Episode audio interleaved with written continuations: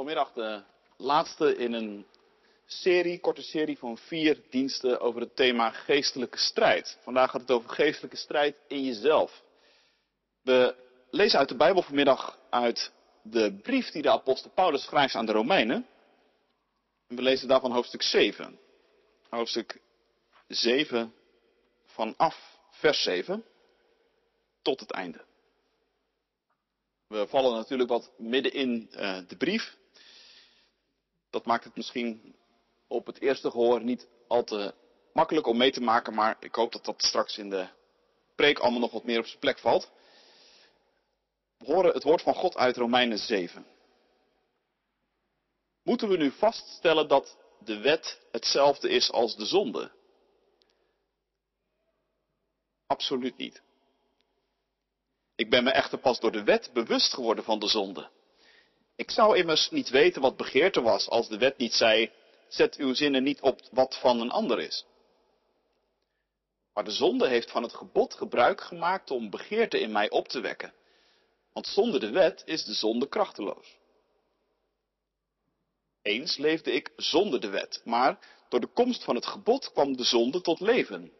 En daardoor stierf ik. Het gebod dat tot leven had moeten leiden, bleek juist tot mijn dood te leiden. Zonde heeft gebruik gemaakt van het gebod.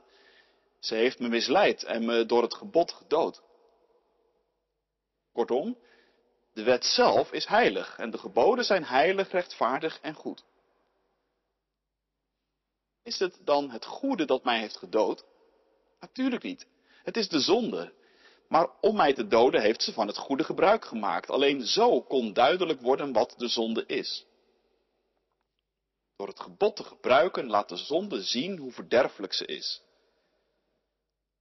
Wij weten dat de wet het werk van de geest is. Maar door mijn natuur ben ik uitgeleverd aan de zonde. Wat ik doe, doorzie ik niet. Wat ik doe niet, wat ik wil, ik doe juist wat ik haat. Maar wanneer mijn daden in strijd zijn met mijn wil, dan erken ik dat de wet goed is. Dan ben ik het niet die handelt, maar de zonde die in mij heerst. Immers, ik besef dat in mij, in mijn eigen natuur, het goede niet aanwezig is. Ik wil het goede wel, maar het goede doen kan ik niet. Wat ik verlang te doen, het goede, laat ik na. Wat ik wil vermijden, het kwade, dat doe ik. Maar wanneer mijn daden in strijd zijn met mijn wil, ben ik daar niet zelf de oorzaak van, maar de zonde die in mij heerst. Ik ontdek in mij de wetmatigheid, dat het kwade zich aan mij opdringt, ook al wil ik het goede doen. Innerlijk stem ik vol vreugde in met de wet van God. Maar in alles wat ik doe, zie ik die andere wet.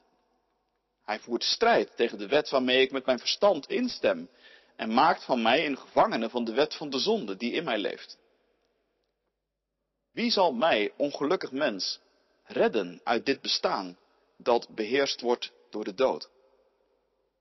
God zij gedankt, door Jezus Christus onze Heer. Met mijn verstand onderwerp ik mij aan de wet van God, maar door mijn natuur onderwerp ik mij aan de wet van de zonde. Woord van God.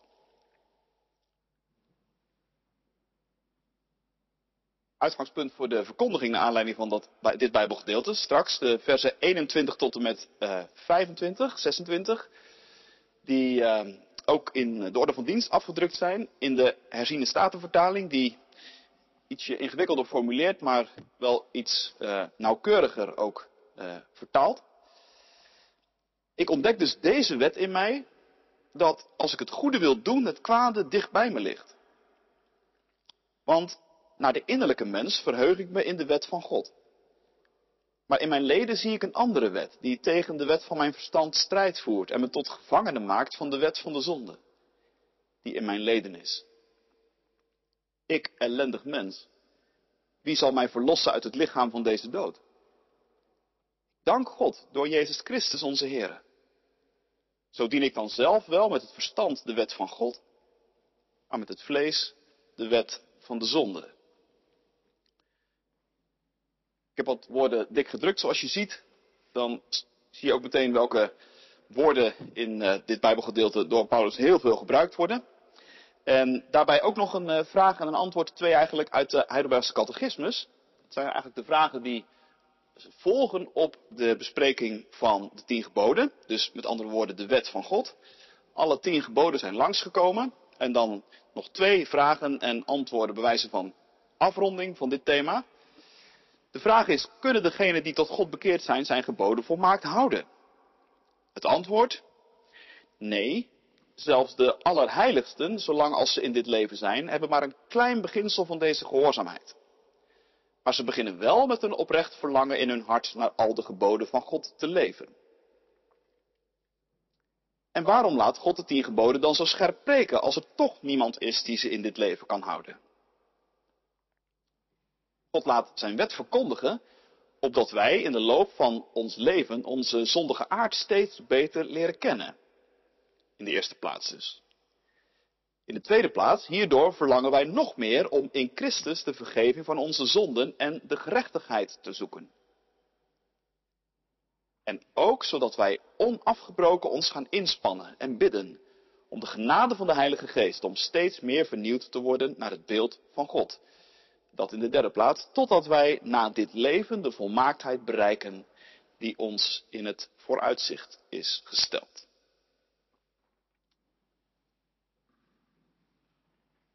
Gemeente van Christus, broeders en zusters hier in de kerk of thuis met ons verbonden.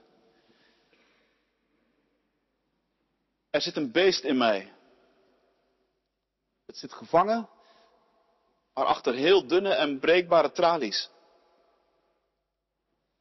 Overdag is het rusteloos. S'nachts schreeuwt het tegen de sterren. Er zit een beest in mij. Wie zegt dit? Het zou zomaar de apostel Paulus geweest kunnen zijn, maar het is Johnny Cash in zijn liedje The Beast in Me. Als een moderne Paulus bezingt hij in dit liedje zijn eigen Romeinen 7 ervaring, zou je kunnen zeggen. Een heel rustig liedje is het. Met simpele gitaarakkoorden begeleid en dan die diepere, donkere stem van Johnny Cash die je uit duizenden herkent. Een heel rustig liedje, maar met een intense tekst. In de vorm van een gebed. En juist die combinatie van vorm en inhoud doet me eigenlijk zo aan Romeinen 7 denken. De vorm van het liedje is heel eenvoudig. Tot de essentie teruggebracht, rustig en breekbaar. De inhoud is diep en groot en afgrondelijk. Net als Romeinen 7 zou je kunnen zeggen, waar de apostel Paulus eigenlijk in weinig woorden en in een hele pure en beheerste stijl zonder opsmuk toch de diepste dingen op tafel legt. Johnny Cash was dan ook iemand die veel met Paulus had en zelfs een boek over hem schreef. En ik denk dat dat gevoel van verbinding misschien wel heel erg met Romeinen 7 te maken had. Want Cash kende zichzelf, of beter gezegd, had in zijn leven door schade en schande zichzelf leren kennen. Was daar eerlijk over geworden en zong er ook over. Over dat beest in hem, dat zich maar zo moeilijk liet temmen. Hij worstelde lang met verslavingen bijvoorbeeld en bleef daar zijn hele leven gevoelig voor. Alsof dat beest elke keer weer op de loer lag en klaar stond om die broze en breekbare tralies stuk te trekken en vervolgens los te breken.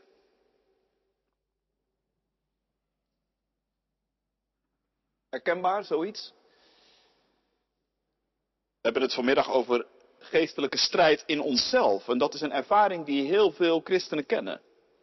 Jij of u misschien ook wel. De ervaring die Paulus beschrijft als wel het goede willen, maar niet kunnen.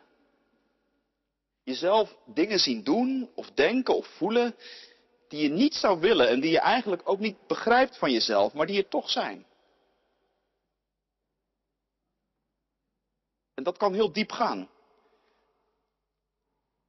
Bijna alsof er twee personen in je zitten. Mijn God gewapend tot de tanden voeren twee mensen in mij strijd, zongen we net. Ja, en kon je dat nou maar gewoon een keer uitzetten met een knopje of zo, of desnoods een pilletje? Maar dat lijkt toch heel moeilijk. Ik heb ontdekt, schrijft Paulus, dat het een, een wet is. Een wetmatigheid.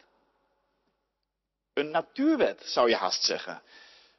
Zoiets als de wet van de zwaartekracht. Een appel valt nu eenmaal altijd naar beneden en nooit omhoog. Wat je ook wilt, wat je ook probeert, wat je ook hoopt en verlangt.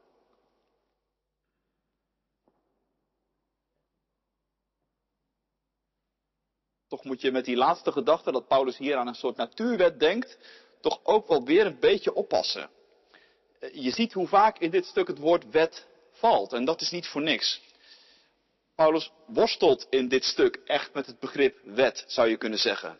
En hij begrijpt het dan ook op, gebruikt het dan ook op verschillende manieren. Kijk maar mee in vers 21. Hij heeft het over deze wet. En dan even verderop over een andere wet. Dat is natuurlijk ook wel een beetje verwarrend. En daarom is het wel de moeite waard om dat vanmiddag een beetje te ontrafelen. Je moet bedenken, in het geloof van Israël speelt het woord wet een hele fundamentele rol.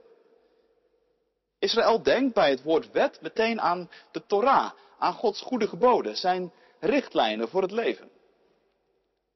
En natuurlijk ook aan de gebeurtenissen op de berg Sinaï, waar Mozes Gods geboden voor het volk in ontvangst nam. En waar bij ons dat woord wet al heel snel een beetje een, een benauwende sfeer om zich heen heeft, daar was en is dat voor Israël heel anders. Gods geboden geven juist ruimte. En zijn een geweldige bron van inspiratie en van vreugde en van, van dankbaarheid. Lees de psalmen er maar op na. Wie Gods wet overpijnt bij dag en bij nacht is als een boom aan stromend water. Hij groeit en draagt vrucht en bloeit. Psalm 1. En wat dacht je hiervan? Hoe lief heb ik uw wet, door uw bevelen krijg ik inzicht. Uit mijn mond komt voortdurend een loflied, want al uw geboden zijn rechtvaardig. Psalm 119. Niet zonder reden de langste psalm.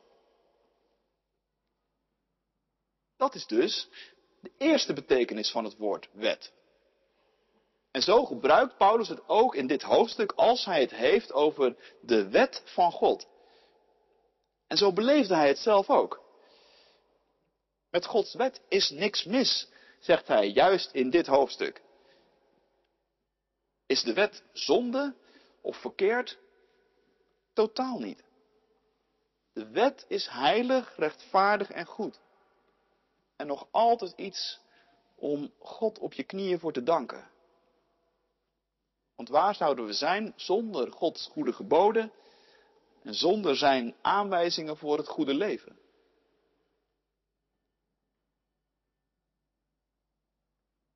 Maar nou de andere kant. Want die goede geboden van God, die blijken niet alleen een, een richtlijn voor het leven te zijn, maar ook een, een soort naar bijeffect te hebben. De geboden van God roepen ook het beest in ons wakker. Het beest dat Paulus in dit hoofdstuk de zonde noemt. Dat beest lag tot die tijd eigenlijk vrij rustig te slapen. Het rammelde niet echt aan de tralies, het had niet erg de neiging om los te breken. Helemaal niet. Je wist gewoon niet beter. Waarom zou zoiets als begeerte een probleem zijn? Je beschouwde jezelf gewoon als een redelijk, nuchter en weloverwogen mens. En je besefte eigenlijk amper dat je iemand was die ten diepste door, door misschien wel veel duistere motieven gedreven werd. Door een brede en donkere onderstroom van verlangens en, en driften en begeerten. Maar nu je de geboden van God hebt leren kennen, nu wordt dat ineens wel een probleem. Als de wet het niet had gezegd, schrijft Paulus, ja, dan was ik zoiets als begeerte nooit een probleem gaan vinden, maar nu wel. Want nu begin ik ineens door te krijgen dat ik misschien toch iets minder overzichtelijk in elkaar zit dan ik altijd dacht. Dat mijn ziel misschien toch wel een aantal kamers kent waar ik liever niet kom. En grotten waarin ik liever niet te diep afdaal. En hoe meer ik dat ga beseffen, hoe harder het beest in mij aan de tralies begint te rammelen. Zo schrijft Paulus er ongeveer over. Het gebod dat tot het leven had moeten leiden, dat is mijn geestelijke dood geworden. Want dat rusteloze begeerte beest breekt toch telkens weer los en ik krijg hem maar niet getemd. Zo ontdekte ik, schrijft Paulus, door die eerste wet, de wet van Gods goede geboden, ook die andere wet in mij. Die wet van wel willen, maar niet kunnen. En sindsdien gaan ze samen op in mijn leven. Voel ik aan de ene kant nog altijd de diepe vreugde als het gaat over de wet van God en zou ik niet zonder kunnen. Maar is er aan de andere kant ook altijd de pijn. Dat ik moet toegeven dat het me zo moeilijk lukt. Dat ik het niet red. Dat ik onderlig. En dat het beest telkens wint.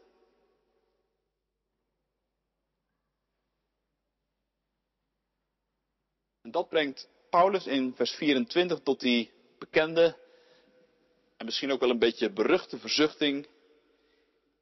Ik, ellendig mens, wie zal mij verlossen uit het lichaam van deze dood?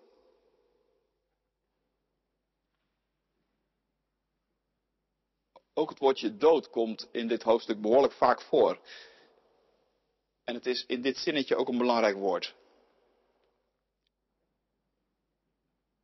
Misschien weet je dat er in de loop van de geschiedenis behoorlijk veel gediscussieerd is over de vraag welke Paulus in dit hoofdstuk nu eigenlijk aan het woord is. Is het de Paulus van voor zijn bekering of van daarna? De Paulus van voor Damascus of van daarna? Anders gezegd nog, blikt Paulus in dit hoofdstuk terug op een eerdere periode in zijn leven, waarin hij zich zo voelde, maar die nu gelukkig al een tijd achter hem ligt?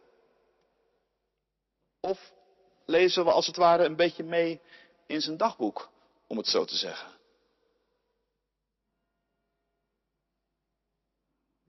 Ik denk eerlijk gezegd het laatste.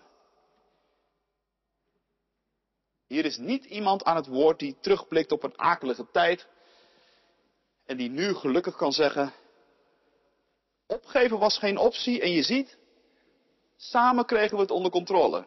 Kijk maar. Het beest in mij is weer zo mak als een lammetje. Nee, door het hele hoofdstuk heen kom je signalen tegen die erop wijzen dat de strijd in feite al lang beslist is en heel duidelijk in één bepaalde richting.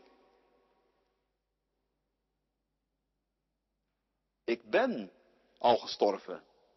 Vers 9. En hier dan, vers 24. Ik zit in een dood lichaam. Niet in een ziek lichaam dat met een beetje oplappen misschien nog wel een beetje beter kan worden.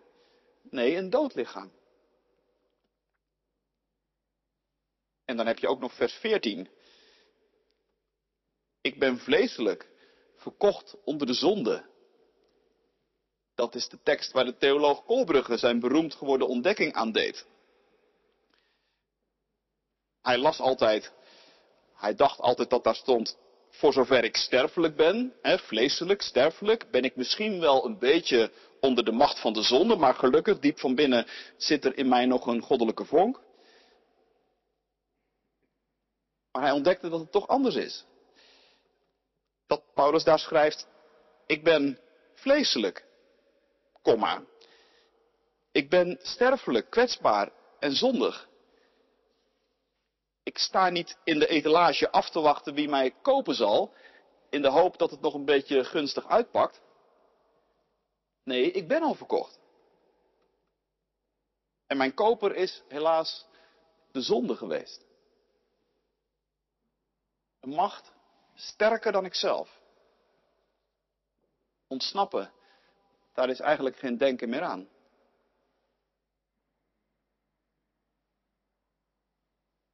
Nu ja, je merkt, er zijn dus een heel aantal aanwijzingen in dit hoofdstuk die vol zitten met hele finale en definitieve taal.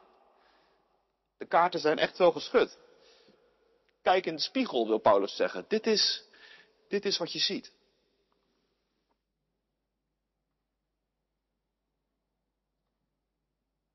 Ja, maar zeg je, dat is toch eigenlijk wel heel beroerd nieuws allemaal. En toch ook eigenlijk niet wat je horen wilt, laten we wel wezen. Hier word je toch enorm depressief van. Veel mensen schrikken inderdaad wel een beetje terug voor de radicale Paulus die hier aan het woord is. En inderdaad, toegegeven, wel echt tot het gaatje gaat. Maar of je daar nou depressief van zou moeten worden? Ik denk niet dat dat hoeft. En het is zeker ook niet de bedoeling. Paulus zelf wordt er in ieder geval niet depressief van. En zeg nou zelf, eerlijk nieuws, zelfs al is het somber nieuws, is vaak toch het meest bevrijdende nieuws. Je weet waar je aan toe bent. Je weet wat je nog doen kunt, maar ook wat niet. Je weet wat je misschien nog doen moet, maar ook wat niet meer hoeft. En gek genoeg zit dat laatste, wat niet meer hoeft, hier ook helemaal doorheen gekneed. Want wat niet meer hoeft, dat is dus jezelf beter voordoen dan je weet dat je ten diepste bent. Wat niet meer hoeft, is jezelf aan je eigen haren uit het moeras trekken.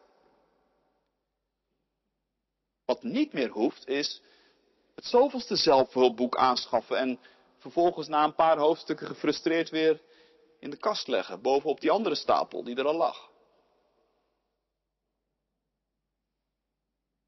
Wat niet meer hoeft, is jezelf redden. Wat niet meer hoeft, is je hele leven toch een beetje bungelen tussen hoop en vrees. Tussen zal het wel en zal het niet. Gaat het of moet ik toch? Nu ja, je kent het.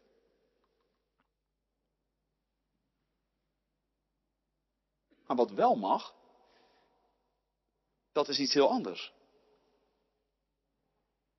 Wat je mag, is God danken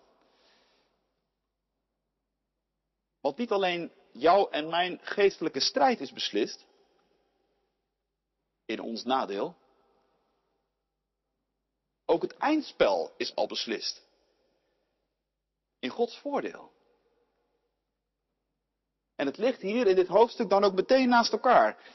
Het is in de ene zin ik ellendig mens en in de volgende zin is het ik dank God. Door Jezus Christus onze Heer. Waarvoor? Voor zijn redding. Want op die verzuchting, wie zal mij verlossen, blijkt een antwoord te zijn. Niet jij en ik overwinnen, maar Hij overwint. En dat is allemaal tegelijk waar. Je zou kunnen zeggen, het decor, de achtergrond, het bureaublad van Romeinen 7, dat is Pasen. Jezus Christus is Heer en Verlosser. En alles wat je in dit hoofdstuk over jezelf ontdekt, dat ontdek je dankzij Hem, je redder en je bevrijder.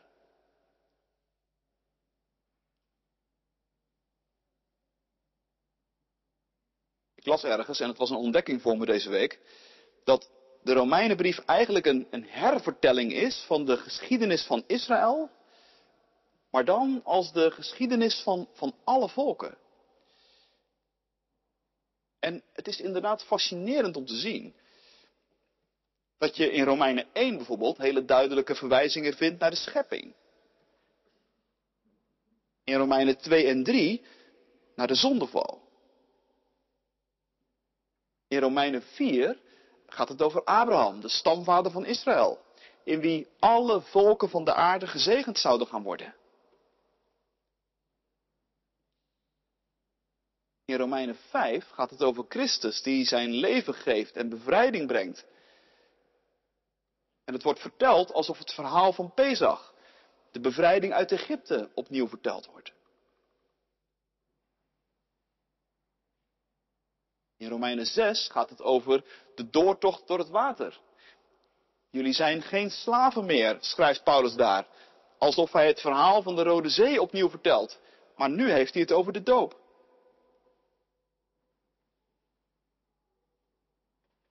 En als dat klopt, en ik denk dat er veel voor te zeggen valt, dan helpt ons dat ook geweldig goed om Romeinen 7 beter te begrijpen. Want wat kwam er na de doortocht door de Rode Zee? Je weet misschien dat Israël toen niet meteen linea recta doormarcheerde naar het beloofde land. Daar zat een woestijnreis tussen van jaren en jaren. Een tijd van beproeving en van loutering. Een tijd van geestelijke strijd, ja, maar ook van geestelijke groei. Van God leren kennen en van jezelf leren kennen. En de woestijntijd, dat is inderdaad ook de periode waarin de wet erbij kwam, zoals Paulus in dit hoofdstuk zegt. Op de Sinaï kreeg Israël van God de geboden. De geboden die heilig, rechtvaardig en goed zijn, zeker. Een bron van vreugde. Maar inderdaad, ook het beest wakker roepen. Want er gaat niet voor niks een heleboel mis in de woestijn. Het is ook de periode waarin God tot wanhoop gedreven wordt. Waarin Israël het gouden kalf maakt, enzovoorts, enzovoorts.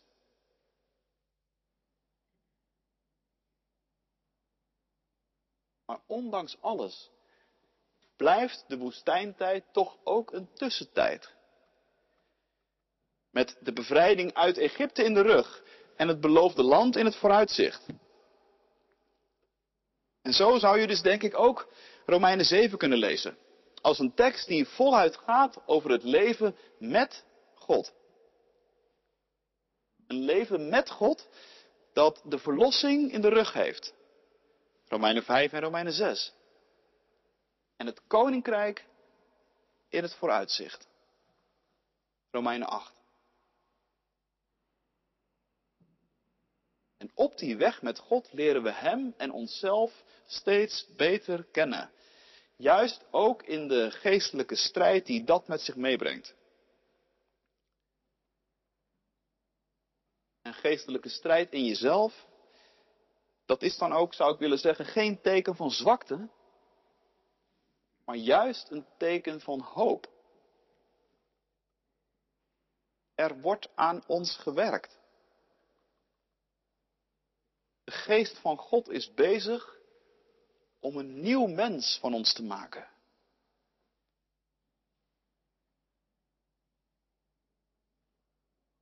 Het viel me op hoe mooi de oude catechismus dat toch weer eens weergeloos goed samenvat.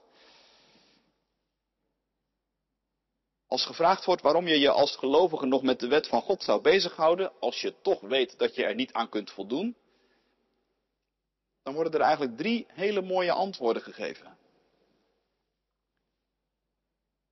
Het eerste sluit helemaal aan bij Romeinen 7. Door de wet van God boeken we vooruitgang op het gebied van het kennen van onszelf. Want de wet daagt het beest in ons uit.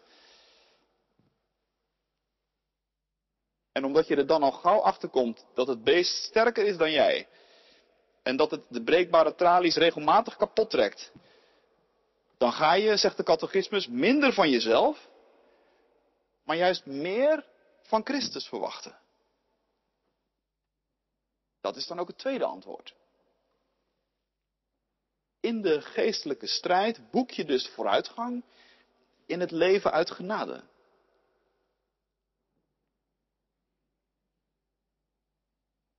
En in het derde antwoord valt dan ineens het woord vernieuwing. Je gaat ondanks alles toch ook steeds meer op Christus lijken. Dat is een pijnlijk proces. Dat C.S. Lewis ooit vergeleek met de grootscheepse renovatie van een huis. Stel je voor, schrijft hij, je bent een levend huis en God gaat naar binnen om het te verbouwen. Eerst begrijp je misschien nog wel een beetje waar hij mee bezig is. Hij brengt de afvoer in orde, maakt het lekkende dak dicht enzovoorts. Je wist al dat dat gebeuren moest, dus je bent niet verbaasd. Maar dan, dan begint hij erop los te slaan op een manier die vreselijk pijn doet en totaal zinloos lijkt. Wat is hij in vredesnaam van plan? De verklaring is, schrijft Lewis, dat hij bezig is een heel ander huis van je te maken dan je gedacht had. Hier een nieuwe vleugel, daar een verdieping, torens, binnenplaatsen. Je dacht dat je een keurig bungalowtje zou gaan worden.